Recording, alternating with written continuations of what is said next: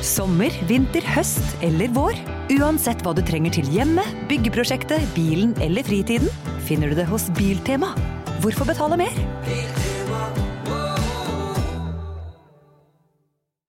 Bli med inn i hodet til John Ausonius. Bedre kjent som Lasermannen. Han nøt å se seg selv på nyhetene, men han var ikke fornøyd. Han skulle jo drepe. Det samme året skulle han skyte to mennesker til, før han omsider oppnådde målet om å drepe. Hør på innsiden av Psykohoder med Jonas Alf Oftebro og rettspsykolog Susanne Nordby Johansen. Gratis der du hører podkast. En podkast fra Podplay. One, two, Pedro, Pedro. This is now. Ble bedt om en kort intro. Hjertelig velkommen til Planetens redning.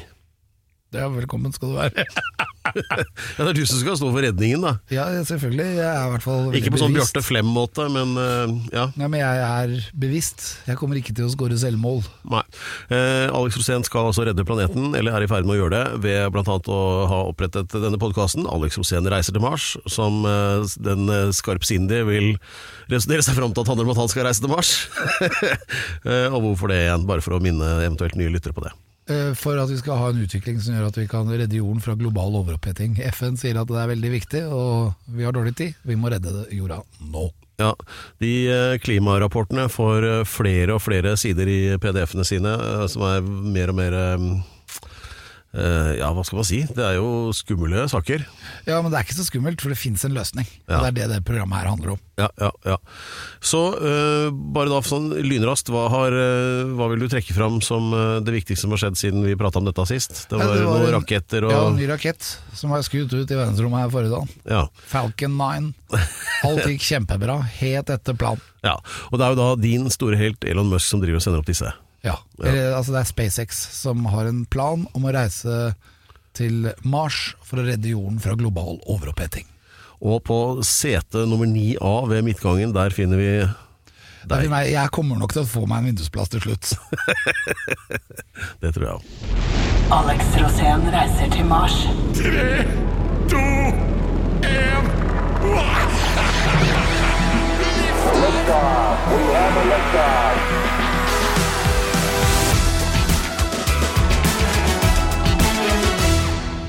De som har fulgt denne podkasten vet jo at det er som en eh, sånn, eh, et sånt asteroidebelte av digresjoner. Og eh, nå i den bitte lille pausen så kunne Alex erklære at Norges kjedeligste vei nå ikke er fullt så kjedelig lenger. Ja, Dette du- avledet av at vi snakket om hvor store avstander det er i verdensrommet. Og det er jo større enn Finnmark. Og da sa du at det er ikke kjedelig å kjøre i Finnmark. Nei, det er ikke det, for der skjer det jo masse. Der er det jo reinsdyr, og plutselig så Det er det jo på himmelhvelvingen også på, på julaften. Der er det sju reinsdyr og sånn kjelke bak. Ja. Men tilbake til den kjedelige veien.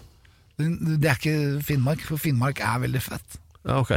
Det er som å kjøre inni en haikjeft. Men det du skulle Ok, nå er I hvert fall så sa du at Norges kjedeligste vei var en helt bestemt vei. Men, Helt bestemt vei, Ja, og den er veldig kjedelig. og hvilken vei er Men nå er den bygd om litt, så nå begynner den å bli litt morsom. Men den har vært kjedelig i årevis, og det er veien gjennom Bamble. Å ja, helt andre enden av landet, med andre ord. Altså Kragerø, liksom? Ja, når du skulle til eh, Sørlandet før, da hvis du Ja. skulle til Kragerø, eller hvis du skulle til Risør, eller hvis du skulle til Kristiansand, Ja. så måtte du kjøre gjennom Bamble. Og der skjedde det ingenting. Nei. Det var altså et sånn Du kjørte over Brevikbrua, og så skjedde det ingenting i nesten en time før avkjørselen til Kragerø.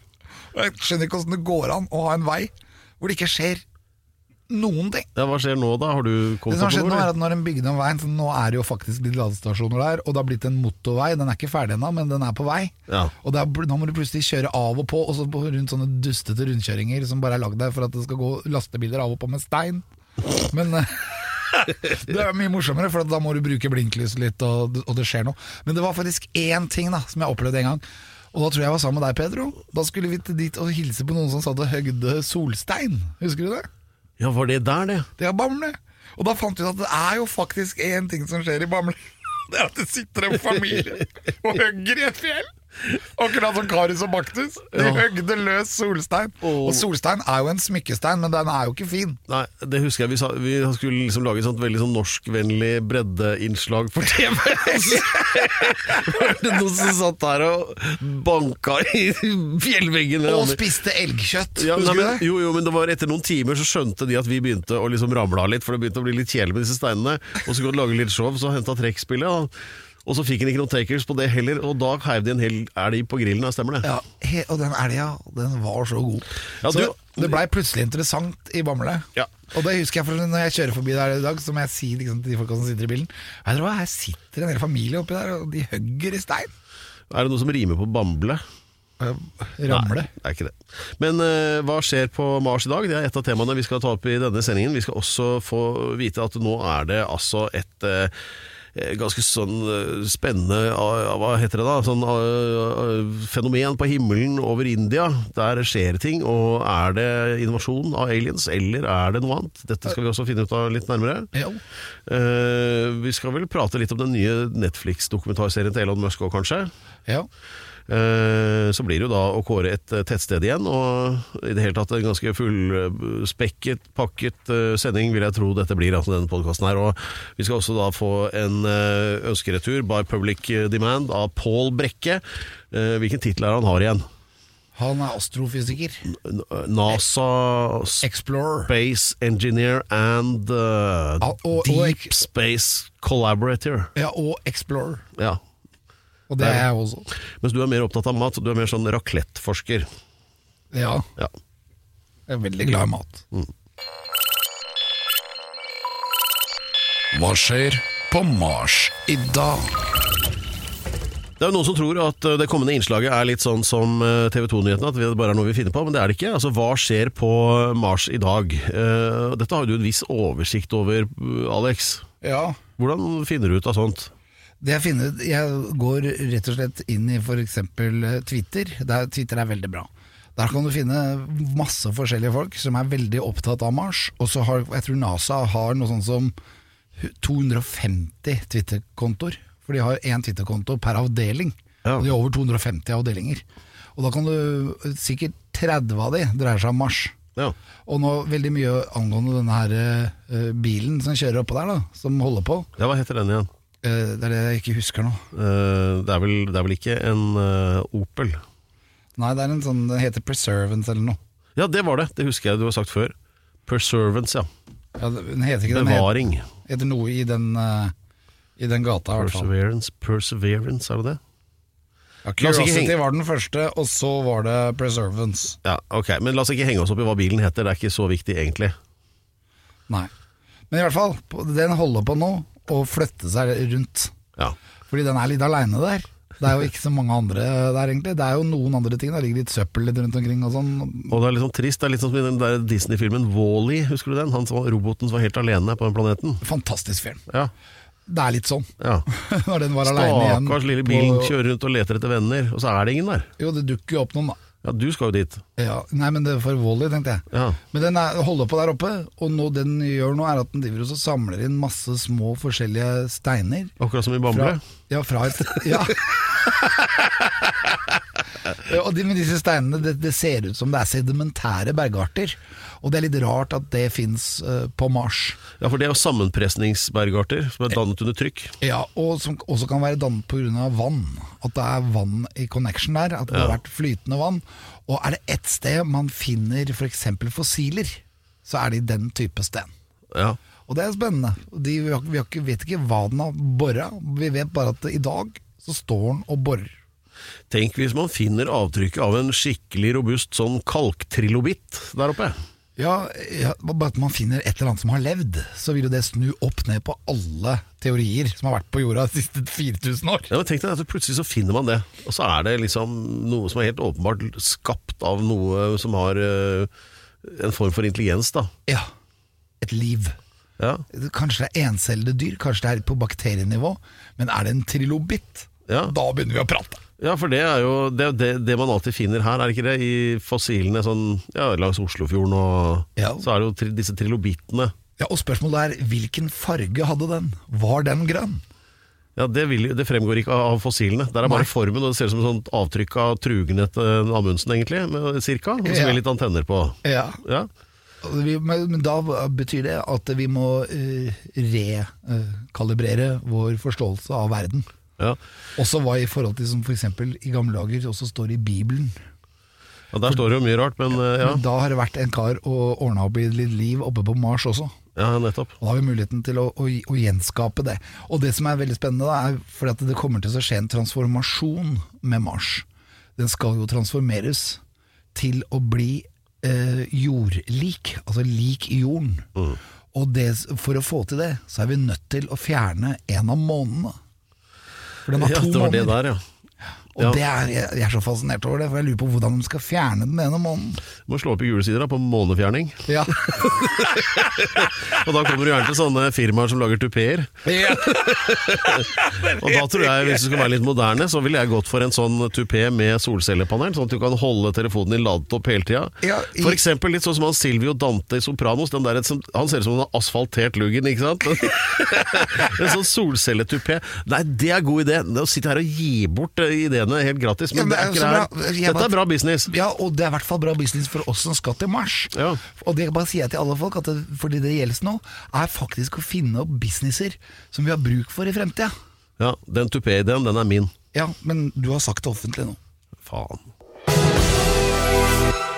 Ja, Som din store helt Elon Musk vet veldig godt, så gjelder det jo da å rettighetsbeskytte de beste ideene dine, sånn at du kan bli multimilliardær ganske fort. Og Nå føler jo jeg at jeg var inne på noe her. Du kan få en andel i mitt nye solcelletupé-firma hvis du vil. Har du lyst til å satse? Det virker veldig fornuftig. Endelig så har du begynt å bli fornuftig også, Pedro. Ja, Da må jo dette ha et bra navn, da.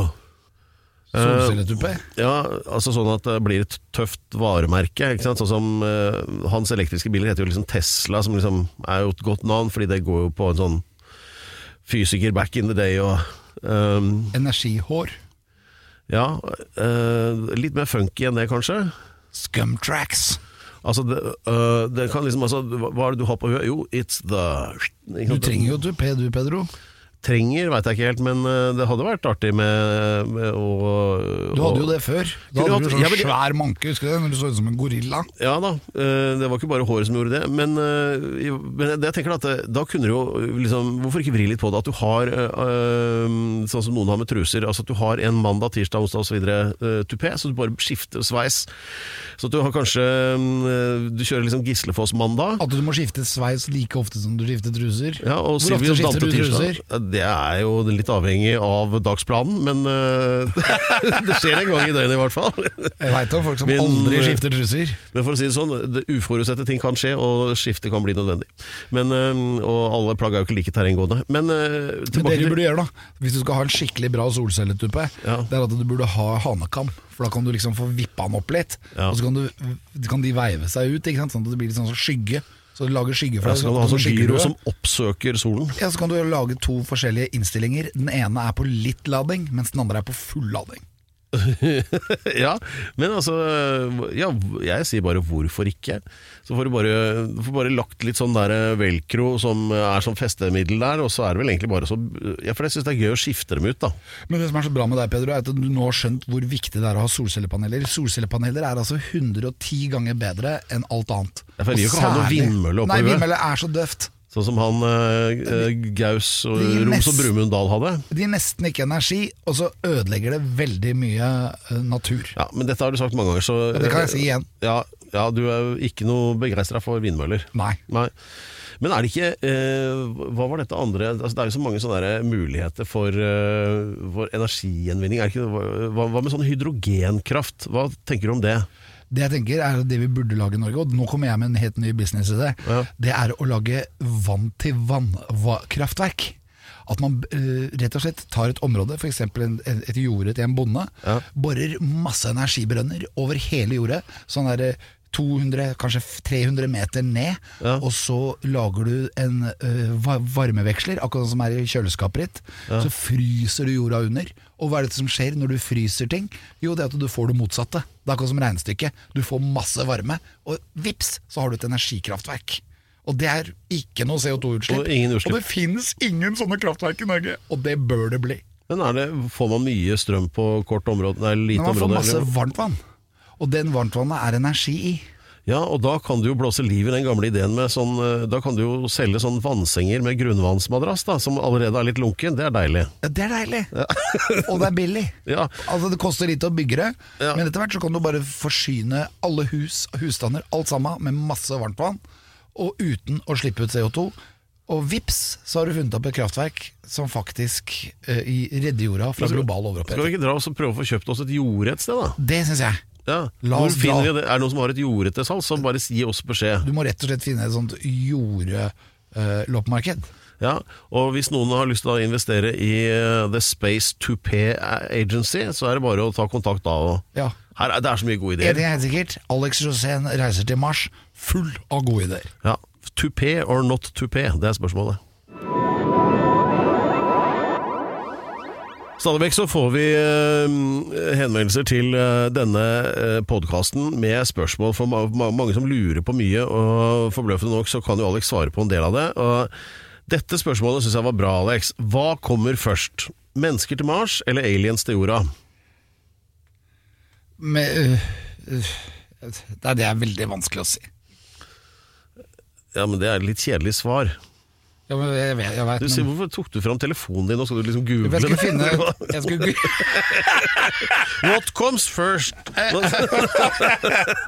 det er sånn researchavdelingen, vet du. Ja, nei, men det er jo høna eller egget, det der. Ja, ikke sant? Det er, nei, det er jo ikke det. Jo, Hva, hva kom først? Hva tror du kom først? Av høna og egget? Nei, av det du spurte meg om. Øh, jeg har vel ikke peiling? Nei, Det er jo jeg som spør. Nei det, det som hadde skjedd var at det, det var et mystisk lysfenomen over øh, Vest-India. Riktig, det var det vi skulle inn på. Og nå blir det spennende. Nå, nå det er ikke Vest-India, for Vest-India er Karibien. Og dette her var vest i India, og det er liksom hver sin side av jorda. Ja, nettopp. Det er litt viktig å holde styr på hva som er hva her. Ja, så så, det er altså selveste India. India. I landet India. Vest i I det man sånn- kaller Golgata, men som før het øh, Calcutta. Golgata, heter det? Sam, samme som Nei, i Jerusalem? nå. Det heter det nå. Kolkata. De har skifta navn for at det må være mer indisk. Akkurat vi, det har- vi har vært på Golgata i Jerusalem, husker du det? Ja, ja, ja. Det ble kjempejaget derfra. Ja, Ja, ja, det er en lang men- historie. Det, tar, vi- men får vi ta i påskesendinga om en uke. Med bøtte full av råtten fisk. Ja. Og om en uke så kommer det en ny kort podkast hvor vi skal ønske alle gratulerer med påsken, og da kan vi ta den historien der, Ja, da kan vi gjøre det. Ja. Men jo, da var vi var tilbake i vest i India. Ja. Og der har det vært et eh, lysfenomen som var litt uforklarlig. Ja, og er det én ting de har mye av i India, så er det jo folk. Og alle har stått og kikket opp på himmelen på kvelden og sett at det da er sånne lysfenomener som beveger seg i stor hastighet over eh, himmelen, og det er klart at da er det mange som tror at det er ufoer. Ja, det er fort gjort at det kan være det. Ja. Det hadde, I gamle dager hadde de jo trodd det, men det er ikke det. Det det kan være, er at det kan være meteorer og meteoritter fra verdensrommet. Jo, men da ville jo disse stjernekikkertinnehaverne og forskerne visst om det. Ja, Ikke nødvendigvis. Det kommer innimellom stjerneskudd på himmelen som ikke er som de ikke veit om, for de, de er så små at de er umulig å oppdage ute i det mørke, svære uh, verdensrommet. Jo, men disse greiene her hadde vært ganske synlige, visstnok. Eh, med det blotte øyet, at du står bare på jorda og ser Ja, at det, det- lyser godt opp, da. Men det er, verdensrommet er så svært at det er umulig å vite hva som kommer. Det er noe av det største vi har, vel. Ja, Ja. Det er få ting man veit om som er så stort. Ja. Men det det kan også være, er at det kan ha vært eh, romskrot. Det er det masse av. Romskrot er for, for eksempel eh, rett før krigen i Ukraina, så skjøt uh, Russland ned en satellitt, bare for å vise at de kunne gjøre det. At hvis eh, USA da hadde for mange satellitter over Russland, så kunne de skyte dem ut. Når det skjedde, så ble det dannet veldig mye romskrot, for den eksploderte jo, Oh, og så ja. gikk alt romskrotet litt sånn hit og dit. Og deler av det som har eksplodert, ja. Ja, og når det først har eksplodert, så er det veldig vanskelig å beregne hvor det romskrotet tar veien. Ja, ja, ja. Mens vanligvis når du har slått opp en satellitt, så har du litt styringa på kursen den satellitten har, så du kan enten kjøre den litt ned eller litt opp, avhengig av hvor du skal ha den, i forhold til om den er gammel og utrangert, og at den kan like så godt gå gjennom atmosfæren og brenne opp, som de ofte gjør. Og der er vi, på det lyset over, over India. Det har antageligvis vært romskrot som har truffet da atmosfæren, og så brenner det opp, og så vips, så blir det da en stripe på himmelen. ja, det er sånn automatisk avfallshåndtering, dette er det som blir brenner opp av seg sjøl. Det kan være det. Ja. Men eh, avhengig av hvor svær den er, f.eks. når de gjorde det samme med, med romstasjonen, den internasjonale romstasjonen, når den gikk ned, så, så datt jo ting ned på jorda. Og da gjelder det å få det til havet, da sånn at det ikke treffer en by, f.eks. Ja, uff. Men når Russland skøyt den der ene satellitten, så var det veldig mange av de satellittbitene som begynte å ta veier som man ikke hadde kunnet regne ut, pga. at det var en eksplosjon. Ja. Og Derfor så ble de kritisert for det, da. Men du kan jo kritisere Russland for mye da akkurat nå. Ja, jeg tenkte jo det at De hører jo ikke på kritikker i det hele tatt! De gjør jo bare alt riktig! Ja, ja. Men jeg tenkte kanskje at de drev og bygde disse satellittene sine litt som de bygde biler på 60- og 70-tallet. Altså på en litt omtrentlig måte. Altså sånn Lada 1400 tertit, ikke sant. Sånn, så dette jo dørene og eksosanlegget an Ja, på og det eneste som virka i en evighet, det var varmeapparatet. De solgte jo en sånn der, en eller annen Volga eller Moskowitz eller Pobeda eller hva det heter for noe, som, um, som jeg så en gang. En sånn liten bil sånn på størrelse med hva skal man si, ei likkiste, og så eh, sånn toseter. Da, og da var, det, da var det sånn luke i gulvet da, som du kunne åpne. Og så, så høl på størrelse med ei LP-plate der. ikke sant? Du tenkte hva faen er det for noe? Escape room. Nei, det var ikke det. Den var laget spe spesielt hvis det var litt shortage på mat, så kunne du kjøre ut på et islagt vann, og så kunne du bore ned der, kunne sitte inn i bilen og pilke. det var ideen, da. Det er, mye, det er jo for så vidt kreativt, det, altså.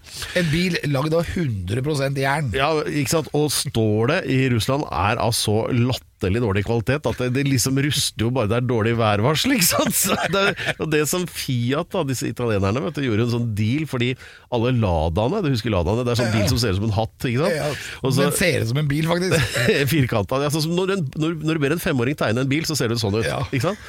Og Det er vel det som har skjedd òg. Men eh, i hvert fall, altså, så den er bygget på et sånn 60-talls Fiat. Ikke sant? Så de kjøpte jo verktøyet og deler og alt sånt noe fra Italia. Og så fortsatte de bare å bygge en gammel Fiat og gjorde den litt sånn til sin, og kalte den Lada. ikke sant?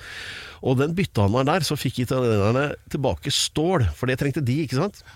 Uten å vite at det stålet var, altså, det var så infisert. Eller, altså, stål kan være dårlig. Da. Det er derfor alle italienske litt kule biler fra 60- og 70-tallet De er jo rusta bort for lengst. Altså sånn Lancia og Alfa Romeo og alle de som tok over det her. Så de er jo bare borte. Så, yeah. så hvis det er det, er det samme metallet de bruker på satellittene sine, så tenker jeg vi har forklaringen der. Ja. Det er rett og slett fucked. Ja. Ja, det fine med å høre på podkast, det er jo at du kan gjøre noe nyttig samtidig. Kan f.eks. endelig fikse den skapdøra på badet. Sånn. Alt du trenger til enkelt vedlikehold hjemme, finner du på Har du et enkeltpersonforetak eller en liten bedrift? Da er du sikkert lei av å høre meg snakke om hvor enkelt det er med kvitteringer og bilag i fiken, så vi eh, gir oss her, vi. Fordi vi liker enkelt. Fiken superenkelt regnskap.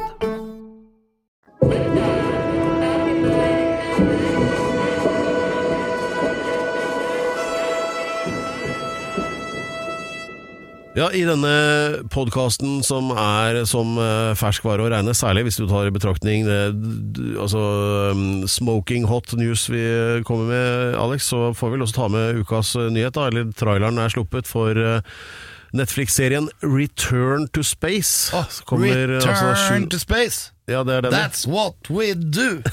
ja, Det er fordi at det er et jubileum i år. Ja, det er det også. Det er faktisk 50 år siden siste mannen var på månen. Ja, 1972. ja, Eugene Cernan. ja. Han var sistemann på månen. Det har ikke vært noen der siden. Han var på Apollo 17, han da. Ja, Ja. Det, så i 50 år så har månen holdt på på egen hånd? ja det har vært helt aleine. Det er litt sprøtt, egentlig. Altså, så mye styr for å komme seg dit, og så var det liksom noen turer, og så var det ja, Ja, det er greit. nå planlegger nemlig SpaceX å bygge en by der oppe. Å, For at det skal være et slags forskningssted, men også et sted hvor man kan mellomlande når man skal til Mars. Så når vi skal til Mars, hvis du har glemt noe, Ja. kan du stoppe på månen og vente på det du har glemt. ja. Og da er det liksom mye lettere å bli skutt ut fra månen enn jorda, så du bruker mye mindre energi. Kanskje du trenger bare et lite dytt, så er du i gang. ja. Det er sånn Ja, det blir litt som hvis du skal til Trondheim, så kan du dra kvelden i forveien opp til Minnesund og slappe av der, så har du litt kortere vei dagen etter. Ja, Minnesund er det ikke men Nei, det var et dårlig Ja. eksempel, men Kanskje Nebbenes. ja, ja der også Der er det sånn truckstop. kjøttkaker. Så der, eh, men eh, det handler da naturligvis om eh, din helt Elon Musk. Som, og her åpner da denne serien med sånn voiceover av Elon Musk som sier at Hva var det igjen? At Earth is the cradle of humanity, but you cannot stay in the cradle forever. Åh, Det er bra, da. Det er bra melding. Du kan ikke være i vogga for alltid. Ja, det er litt sånn der, eh, det er litt sånn der Khalil Gibran for meg, men, eh, men ok. Um, Men du må ut, faktisk. Ja. Du også må det, Per. Ja, må og må, men uh... Ja, men du må ut og oppleve litt. Ja, du kan ikke bare sitte her ja, i men, det, men det her ser jo veldig spennende ut, den serien, fordi det er blant annet eh, Det slår jo sånn eh, På NRK så er det jo sånn der minutt for minutt med Bergensbanen, mens her er det sånn minutt for minutt opp til internasjonale romstasjonen. Du, altså, du får følge hele turen opp da, med sånn eh, du, Jeg har gjort Det det, flere ganger. Jeg har gjort det flere ganger. Har du vært der? Nei, jeg har fulgt det. Bergensbanen har du vært på? Nei, men jeg har fulgt de eks ekspedisjonene som har vært minutt for minutt. Ja. Og eksempel når de skøyte opp eh, denne Dragon, som ble skutt ut på, av SpaceX, til International Space En, Station. hva da, en drag, dragartist? Ja, Nei. er over, nei, Dragon. Den het Dragon. Oh, den ja. lille Ja. Space uh, Jeg så for meg Terje Skrøder er nå i en sånn rakett. Å, herregud! Ja. Nei, men det som var, var at de skjøt den opp, og så fikk du være med hele tida. Du fikk se hva, hva gutta holdt på med inni. Ja. Og så, øh, det som er morsomt når du følger disse utskytningene, er at du får en sånn klokke i bunn, så du ser alle tingene som skal skje. For alt går på autopilot. Alt er planlagt til den minste detalj. Så du ser når den raketten skal løsne. Den løsner nøyaktig når den skal. Så ser du når den skal treffe International Space Station oppe i verdensrommet. Treffer nøyaktig når den skal, og så skrudde de seg fast. Da kunne du være med minutt for minutt. Men det som er poenget nå, er at nå skal de faktisk bygge denne byen på månen, og de skal, ha, de skal opp dit. Og, og, og, og lage en International Space Station på månen. på Lampland, eller? Nei, det, Lampland er på Mars. Det er, på, det er på månen nå, husker du ikke vi fant ut det? Det er jo la- lampeland på månen også. Ja. Nei, det, jeg vet ikke, vet ikke helt Oppkalt etter Carl. Carl Otto Lampeland for nye lyttere, som var eh, fra Lampeland da, i, oppe i Numedalen, og havna da i USA med eget teleskop. Ja, Hvis dere skal f.eks. i Dagalifjellet, så må dere stå oppe i Lampeland bare for å få den opplevelsen. Ja, men, eh, men da denne serien, der er det jo eh, Jeg vet ikke hvor mange episoder det er, og sånn, nei, men det, det er sikkert noe fin, fett produsert og, og, og kult der. Men den heter altså da Return to Space. Da gjetter jo vi på at det er fordi ja, nå har ingen vært på månen de siste 50 åra, da. Ja, og Da kan man tenke på Return to Sender med, med Elvis. Return to space, that's what we do. det gleder jeg meg til. Ja. Men jeg har litt sånn uh, teknisk info også. Ja, Og det er det at uh, SpaceX, Falcon, de uh, regner med å ha 60 utskytninger av raketter bare i år. Er ikke det drøyt? Det er mer enn én i uka, det. ja. Men hvor skal alle disse rakettene hen, da? De skal ut i verdensrommet, selvfølgelig.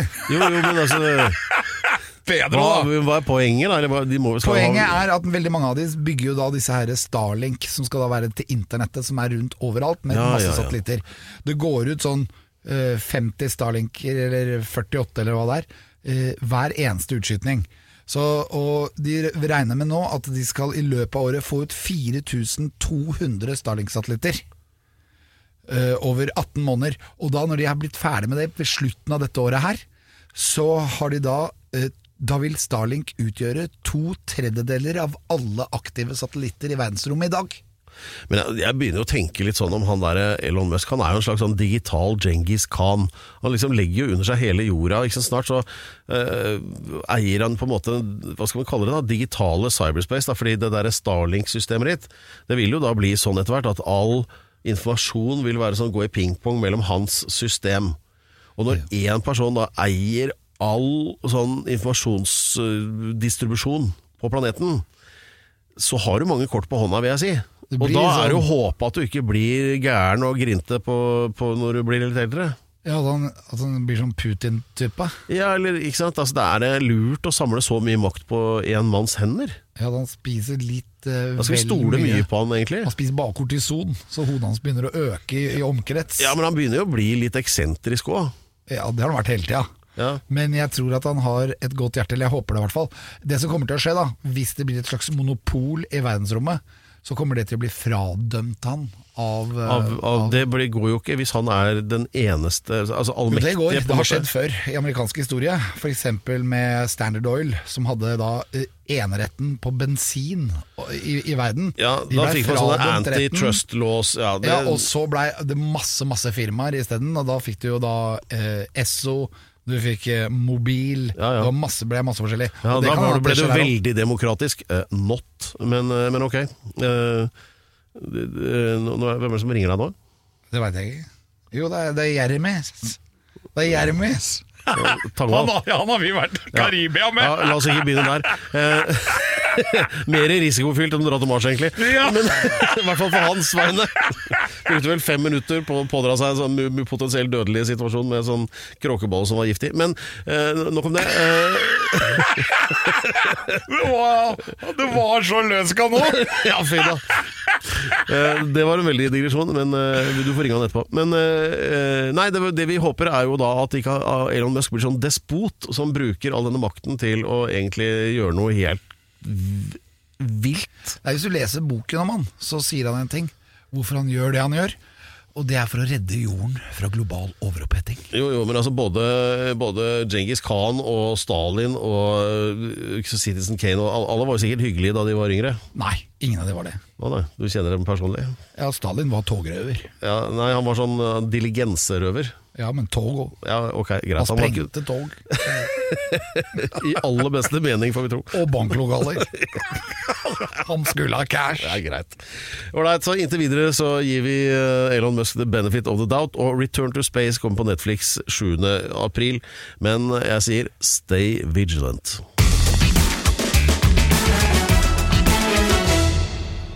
Da har vi kommet frem til den delen som vi har gledet oss aller mest til. Vår nye aller beste venn innenfor eh, rakettforskningen, det er eh, Pål Brekke. Velkommen tilbake hit til oss.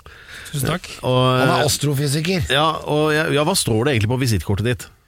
Doktor. Nei, nå, nå står det doktor Pål Brekke, men det står vel nå eh, fagsjef i dag på Norsk Romsenter. Ja. Ja. Men det er mye sånn kule engelske ting, ting også, sånn eh, Space eh, Explorer and cargo Cargo The Rocket Scientist, som Ja, jeg ofte å meg. Og så jobber du jo for NASA også.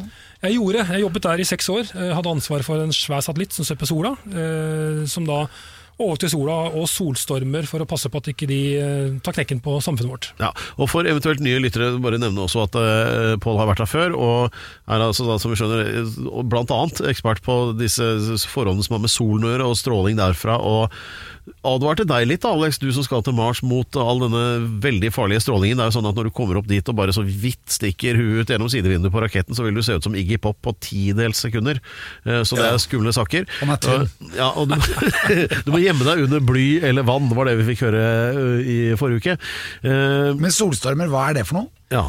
Sola er jo, den ser veldig kjedelig og gul og liksom sånn rolig ut på himmelen, sånn som vi ser den, men fra rommet, når du er over atmosfæren vår, så kan vi se det vi kaller UV-stråling fra sola, og da ser vi solens atmosfære, og der syder og koker, og, og den hoster og harker, og noen ganger så sender den av gårde store mengder både røntgenstråling, UV-stråling, gasskyer og protoner med høy hastighet. Så det er liksom tre elementer av denne solstormen.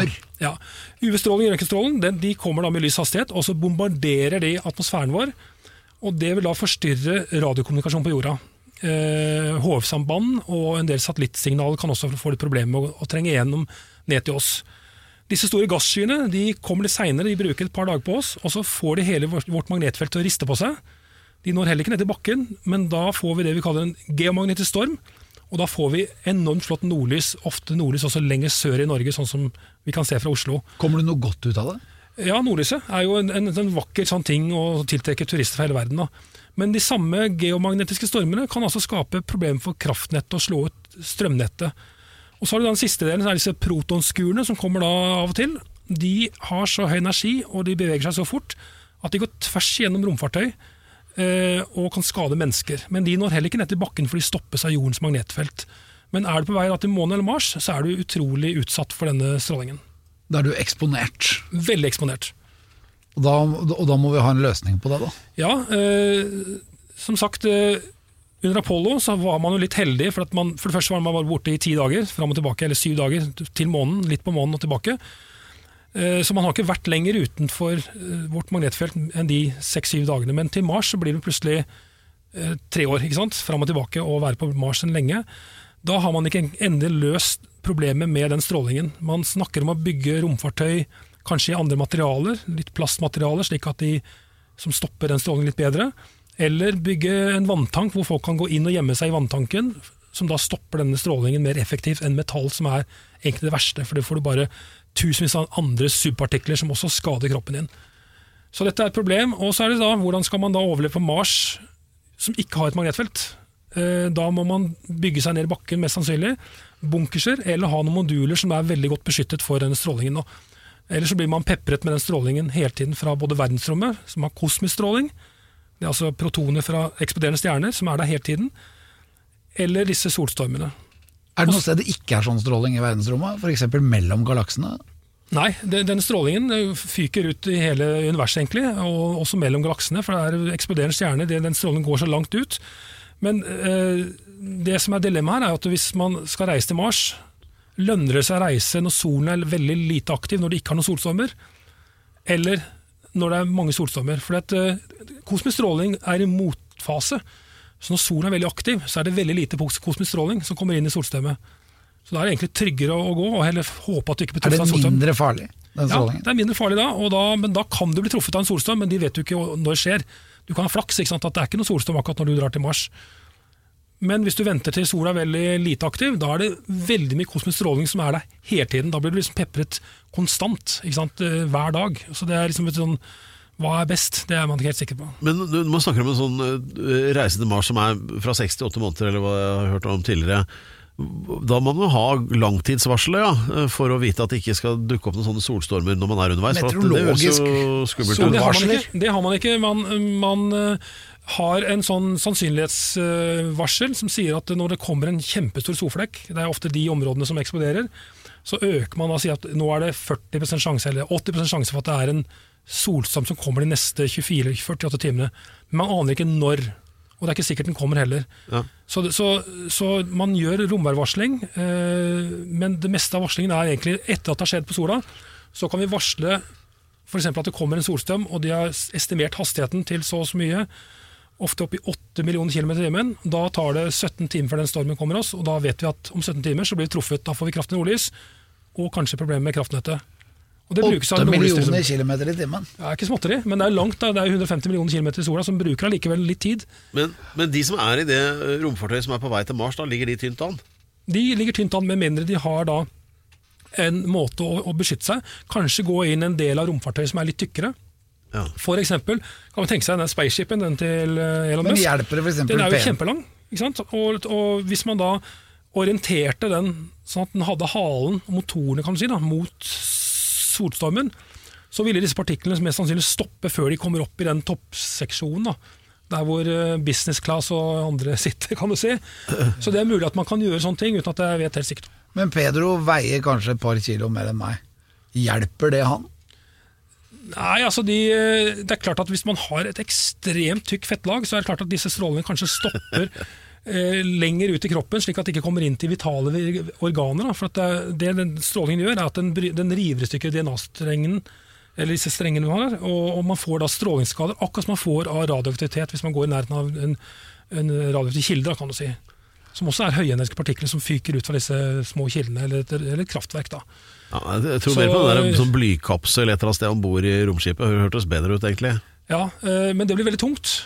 Man har også tenkt på går det an å lage en kunstig magnetfelt rundt romfartøyet, for det vil også stoppe. da. Ja. Men da har de funnet ut at da trenger man en så vanvittig svær generator eh, for å lage magnetfeltet at det blir også for tungt. da. At det er, Er det- upraktisk. Du sa i stad at plast kanskje kunne hjelpe til. Hva med andre materialer? Trolldeig? Trolldeig har jeg ikke tenkt på, men eh, det er jo også alt organisk materiale. da. Sånn, Ja. Så hvis du har matlagre også, hvis du har masse kjøtt, da, Ja. ikke sant? Du kjøper, har 50 kuer og, og tapetserer de på veggene, så kunne det også det hjelpe, for da vil jo strålen stoppe mest i disse kuene. da. Rett og slett lage en Eh, kotelettapet. ja. Hadde det vært mulig å spise det etterpå, da? Ja, det? det Da er du ferdig grilla. Ja. Nei, altså Om, om DNA-strengen i kua er røket når du spiser biffen din, det tror jeg ikke betyr så mye. altså. Men jeg, jeg husker, jeg vet ikke, jeg skal spørre deg, men har du sett på en biffhus om det er det DNA-strenger i det kjøttet. ja, sånn eh, protongrilla ku? Det er bra. Men den, eh, jeg vet ikke, har du sett en, en film for ca. ti år siden med Nicholas Cage som heter 'Knowing'? Hvor Ja. plottet er en sånn solstorm som treffer jorda. Det, det, det er ikke så lenge siden jeg så den og tenkte jeg, faen, kan det skje? Kan det? Ja, så Vi har jo eh, kraftige solstormer, men så har vi noe som heter superstormer. Og de har vi Inntil en del år siden så var det, har vi bare sett én av de, og det var i 1859. Da var det en storstorm som var så kraftig at nordlyset ble trekka helt ned til ekvator. Og da ble det så mye strøm i alle transformatorledninger og telegrafstevnene at de gløda i mørket, og det kom brann ut av disse her tappemaskinene man satt og tippa på. Og, og det er den kraftigste stormen jorda har blitt truffet av noen gang siden. Ja. Og så har man estimert, da, når man bare har ett punkt, så sagt at det er kanskje 300-500 år mellom hver gang vi blir truffet av en sånn storm. Men nå har vi jo romfartøyer som er og ser på sola hele tiden, og vi hadde et på baksiden av sola også, som heter Stereo, NASA-sonde. Eh, man har altså observert tre sånne solstormer nå siden 2012, Ja. men ingen av de traff jorden. da. Men da var vi altså bare ni dager unna å bli truffet av en ny superstorm, og da er spørsmålet hvor mange satellitter ville gått dukken? Eh, kraftnettet, transformatorene, ville vært uten strøm et år. Det er noe man faktisk frykter, og det, er, eh, det ser man alvorlig på. Da, Det høres jo ikke bra ut. Nei, Det høres ikke bra ut i det hele tatt, og da kan det være kanskje bra å bo på Mars, da. Ja. ikke sant? Ja, fordi da vil ikke den treffe Nei, for mest så sannsynlig er ikke de i samme retning, da, så det er uh... Vi er det bare av og til, vel. Ja. Men uh, for at vi skal komme oss til Mars og bo der og ha det godt, da snakker uh, Elon Musk om å terraforme Mars. Er det mulig? Det er nok mulig. altså Man ser for seg sånn som man har lagd ute i ørkenen noen steder i USA andre for å teste dette her med å lage en sånn gigantisk boble, ikke sant? hvor man lager en egen atmosfære. Problemet på Mars nå er at det er jo ikke noe øh, særlig å, å gå og puste inn den lufta. Det er jo bare CO2. Og det er jo giftig, ikke sant. Eh, Det er jo det vi puster ut. Eh, og så er jo atmosfæren så tynn. En hundredel av eh, jordens atmosfæretetthet. Og dermed så er det selv om du klarte å tilføre stoffer da, som gjorde at du fikk oksygen i lufta istedenfor CO2, så er det for lite luft da, at vi kunne puste. Det var som vi skulle vært, altså Hvis du, du er på toppen av Mount Everest, så er det jo ikke nok oksygen. Ikke sant? Da kan du ikke puste selv med samme eh, gassen. Og Samme vil det være på Mars. Du, har, du får ikke nok luft, rett og slett, så du må ha drakt på deg og eh, luft. Pluss at det er litt sånn støv som ikke er så veldig sunt heller, tror jeg, å få på seg. Men det virker som om vi på en eller annen måte ø, må gjøre sånn at kjernen til Mars blir flytende igjen, sånn at vi får en jernkjerne, for det er jo en jernplanet. Ja, Og for å få til det, så trenger vel egentlig Mars én måned istedenfor to. Ja, Det er mulig at man kan få til det, for det, det er jo Mars hadde jo et magnetfelt tidligere. Og, og det var det også kanskje den gangen det var vann der. Men så har den mistet dette magnetfeltet, og dermed så blir, blir også mye av eh, atmosfæren blåst vekk da, av solvinden. Kan du si. Eh, Så hvis man skal ha terraforme dette her, hvis man klarte å starte opp igjen den der kjernen, da, sånn at den Ja. å spinne, Og da må vi ta de to månedene, siden de veier sikkert hverandre opp litt, så må de kjøres i hverandre, da. Ta ja, koble sammen Deimos og kjøre den inn i ja, Fobos. Heller dytte vekk den andre, altså få den vekk. Ja, hvordan, den- hvordan er det mulig? Kan Nei, Elon klare det med raketter? Jeg vet ikke om det er nok energi. Altså, det vil ta lang tid, da, for at det er ganske store krefter her. Men eh, det har jo også vært noen filmer, sånne heltefilmer i, eh, om jorda, så, så, kjerner som begynte å, å gå saktere. Og Da forsvant også dette magnetfeltet, ikke sant? og da begynte duer å fly inn i husvegger. og sånt. Og Da skulle jo Bruce Willis da ned og bore seg ned ikke sant, til kjernen av jorda og starte opp dette med en eh, atomeksplosjon igjen. da. Så det er litt av samme tenk, man tenker at man må kanskje bore seg ned der og prøve å få fart på denne Ja, og Bruce Willis han er ikke fullt så dyr å leie lenger heller. Nei, kanskje jeg kan få med han, du og han sammen, det er som et team, til å starte opp eh, Ja, What Magnetfeltet på can Mars. possibly go wrong? Nei, jeg har lyst til det. Men han sprengte seg sjøl, Alex. Det er ikke du hypp på? Nei. Nei. Da må du finne noe annet. ja. Da må du bare tenne, tenne, tenne lunta og løpe som bare. Ja. Nei, men for dette, jeg vil jo tro det at det Mars sitt problem eh, når det gjelder terraforming, er at den har to måneder. To måneder trekker hver sin vei, og da får ikke denne kjernen For at det er jo en friksjon fra månen vi har. Se bare på tidevannet. Og den holder jo litt Den lager jo mye vesen inni jorda, på en måte. Ja, det er jo, den trekker, og både sola og jorda, sola og månen trekker på jorda, det er som lager tidevann. ikke sant? Og særlig det er på hver sin side, så får du ekstra mye vann på begge sider. Og så sider. klemmes jorda litt sammen av månen òg. ja. Så den har det er mye kraft. altså. Men månen forsvinner jo litt òg. Det er vel fire centimeter i året, den blir lenger og lenger borte. ikke sant? Så en dag så er den kanskje borte. da. Eller kommer tilbake. Det Har du regnet på hvor lang tid det kan ta? Nei, det er lang tid, altså. Eh, snakker vi om sikkert millioner av år, så det er ikke i vår tid igjen, som du sier. altså Det er gudskjelov. Men jeg Men tenk på alt annet som forandrer seg også. da. For at det, det er utrolig mange uh, dyr som lever av tidevannet. For hvis månen forsvant, så ville tidevannet tidevann forsvinne. Så all den, alle dyrene som er helt avhengig av tidevann, ville jo da gå dukken. Eh, Varulver for eksempel, vil kanskje ha problemer, jeg vet ikke. Jeg ville hatt problemer, jeg òg. Det er mange steder du ikke hadde klart å seile inn. nei, ikke sant, det er helt riktig. Ja, men, ja, nei, ja, men altså, det er jo det, det, har jeg skjønt, hvert hvis du begynner å tulle med månen, da blir alt gærent. Ja.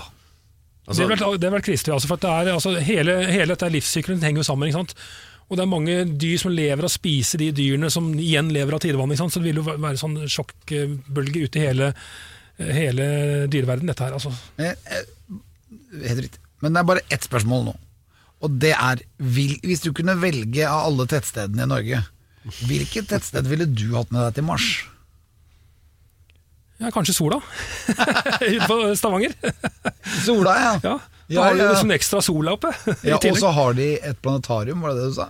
De har et planetarium. Det ligger vel i Sandnes, men like utenfor Sola. Så det er eh, et fantastisk sted, vitensenter, og da får du oppleve stjernehimmelen. Helt, helt unikt, da. Eh, Flott sted å besøke hvis man ønsker å lære litt om verdensrommet. Sola. Det er ukens tettsted Sola, da. Gratulerer med dagen. Ja, det fine med å høre på podkast, det er jo at du kan gjøre noe nyttig samtidig. Kan f.eks. endelig fikse den eh, skapdøra på badet. Sånn.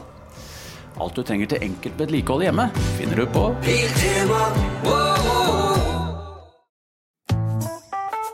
Har du et enkeltpersonforetak eller en liten bedrift? Da er du sikkert lei av å høre meg snakke om hvor enkelt det er å sende faktura med fiken. Så vi gir oss her, fordi vi liker enkelt. Fiken superenkelt regnskap. Prøv gratis på fiken.no. 100 grunner til at Alex skal til Mars. I det faste segmentet 100 grunner til at jeg skal være med til Mars, så regner jeg med at telefondisiplin ikke er en av dem, Alex. For nå tok han nettopp noen håper at- Du vet at det er vanlig når man er på og lager en sånn for eksempel podkast, at du ikke har telefonen på, og i hvert fall ikke svarer midt under eh, introen til et innslag som har med deg å gjøre. Nei, men jeg håper Kan du legge vekk den telefonen nå? Ja, vent litt. Vent litt. Ja, alle dere som hører på, vent litt dere òg, da. Alle bare vente litt. Sånn, der la han vekk telefonen. Takk skal du ha. 100 grunner til at jeg skal være med til Mars, og nå må du, bør du komme opp med en bra en. Eh, og vi teller jo ned fra 100, da. Eh, så vi har ikke kommet lenger enn til 90, så vi har bare hatt 10. Og så skal det bygges opp til et eh, virtuelt Crescendo. Ja, klimaks. På når det kommer grunn nummer én, som jeg er veldig spent på hva er. Ja, det må du ta.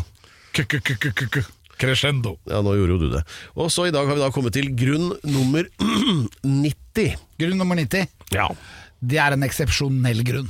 Ja. Her skal Alex da skryte av egne egenskaper, og som vi vet, selvskryt skal man lytte til, for det kommer fra hjertet. Ja. Og når det gjelder uh, dette her, så vil jeg si at dette er en av de viktigste egenskapene man bør ha. Ja. Uansett hvor du skal. Om du skal ut på havet, om du skal ut i en storby som du aldri har vært i, eller om du skal ut i verdensrommet, mm. så må du ha god stedsans. Ja, det er fint. Jeg har god stesans. Ja, det vet jeg er helt jeg. rå på det. Her, Og jeg kan vet dette- ikke hva det kommer av, Nei. men det er antakeligvis fordi jeg i steinaldertiden var en god jeger. Visst, og der var det en mammut, så bare veit jeg akkurat hvor den er, om to sekunder. Og så hvis den går bak et tre, så veit jeg at den dukker opp på den andre siden av det treet. Ja, dette, dette kan jeg bekrefte, for jeg har jo, øh, har jo holdt på å si bedekket og halve eller reist rundt på veldig mange rare steder med Alex gjennom mange år.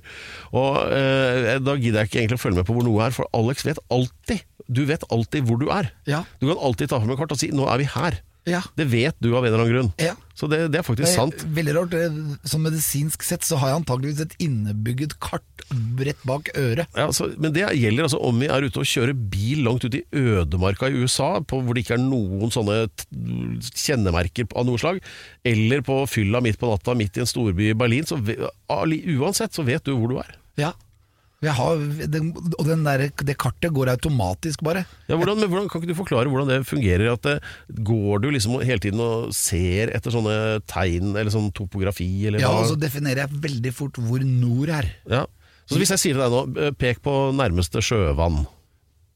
Ja, det tok ti hundre sekunder. Jeg er helt sikker på at det der, er helt nøyaktig det nærmeste Ja, for I gamle dager Det er akkurat rett over Plata. Rett Ja. her. Ja. Plata Vi, Oslo. vi er på Jernbanetorget i Oslo. Altså, det er jo, ja. Og der lå det en liten havn i gamle dager. Og den er murt igjen, for det er av at det har gått vei der og alt mulig. Men den Ja. havna, den er der. Og den er, eksisterer litt under brygga. Så derfor så kommer sjøvannet litt innunder den brygga, mot oss. Og der hvor Og hvis du har Akerselva kommer ut, da? Nei, nei, ikke så langt bort. Nei. Litt nærmere Akershus festning. Ok. Akkurat der hvor sjø, sjøvannet er nærmest oss. Ja, ja, ok. Fordi under brygga der så ligger det en gammel båthavn. Og hvis vi hadde hatt dykkerutstyr, så kunne vi kanskje ha dykka ned der og sett gamle båtvrak. Og Og det det, har jeg tenkt på, vet du, at det må være veldig kult å filme. Sånne gamle båter som er 1000 år gamle. Ja, men akkurat der, og, og litt bort, det var den første bosetninga i Oslo, vet du. Det er akkurat der sånn. Ja, kanskje. Og, for det, I gamle dager så tilhørte det eh, Bernt Ankers gård, som Ja. i dag er det parkeringshuset rett utafor her. Der lå Bernt Ankers gård, og den blei bomba under krigen i tre, to eller 43. Så Derfor er den borte. Ja. Og så blei det parkeringshus etter krigen, for det var sikkert en liten søppelplass der eller et. Men hvis vi går enda lenger tilbake, sånn f.eks. 1000 år, så da var vannstanden litt høyere også.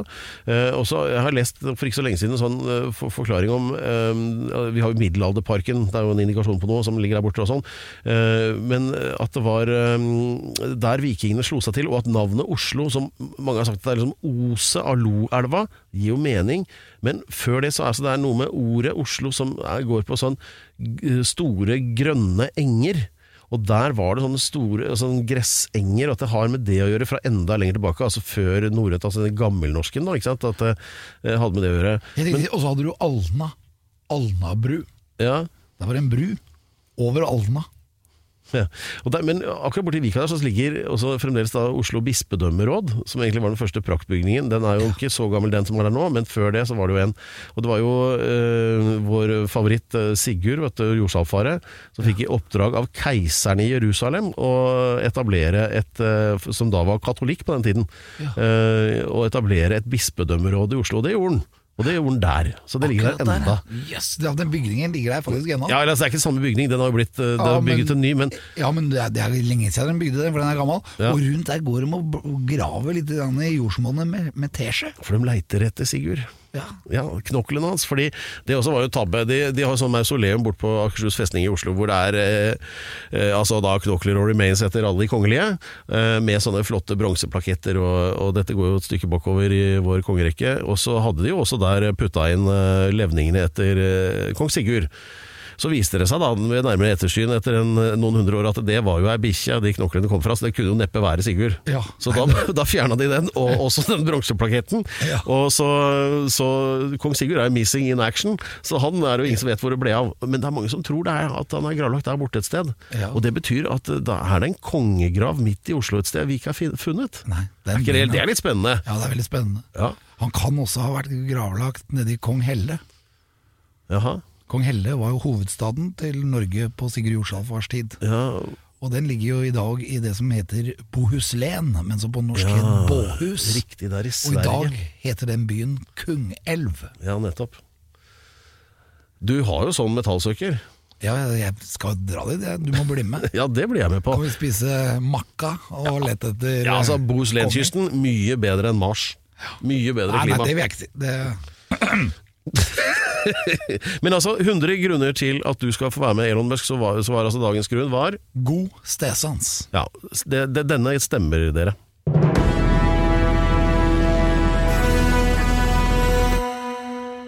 Jeg vil jo si det, Alex, at uh, det, en uh, særlig mer fyllestgjørende og komplett episode av en podkast enn den vi har gjort nå, er- skal du leite en stund etter. Ja, og ennå så har vi så mye mer å prate om når det gjelder Mars. Ja, og uh, jeg syns jo at av gode ideer som har kommet fram i dag, så henter jeg fram min egen. Den med altså, dette solcellepanel-tupé-konseptet. Ja. Det syns jeg var ganske bra. Og uh,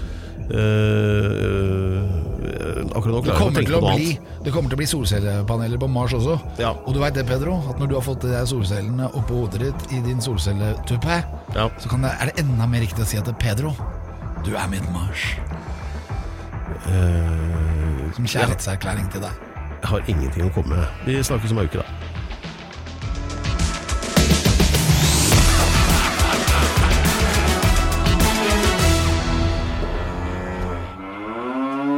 Du har hørt en podkast fra Podplay. En enklere måte å høre podkast på. Last ned appen Podplay, eller se podplay.no. Sommer, vinter, høst eller vår. Uansett hva du trenger til hjemmet, byggeprosjektet, bilen eller fritiden, finner du det hos Biltema. Hvorfor betale mer?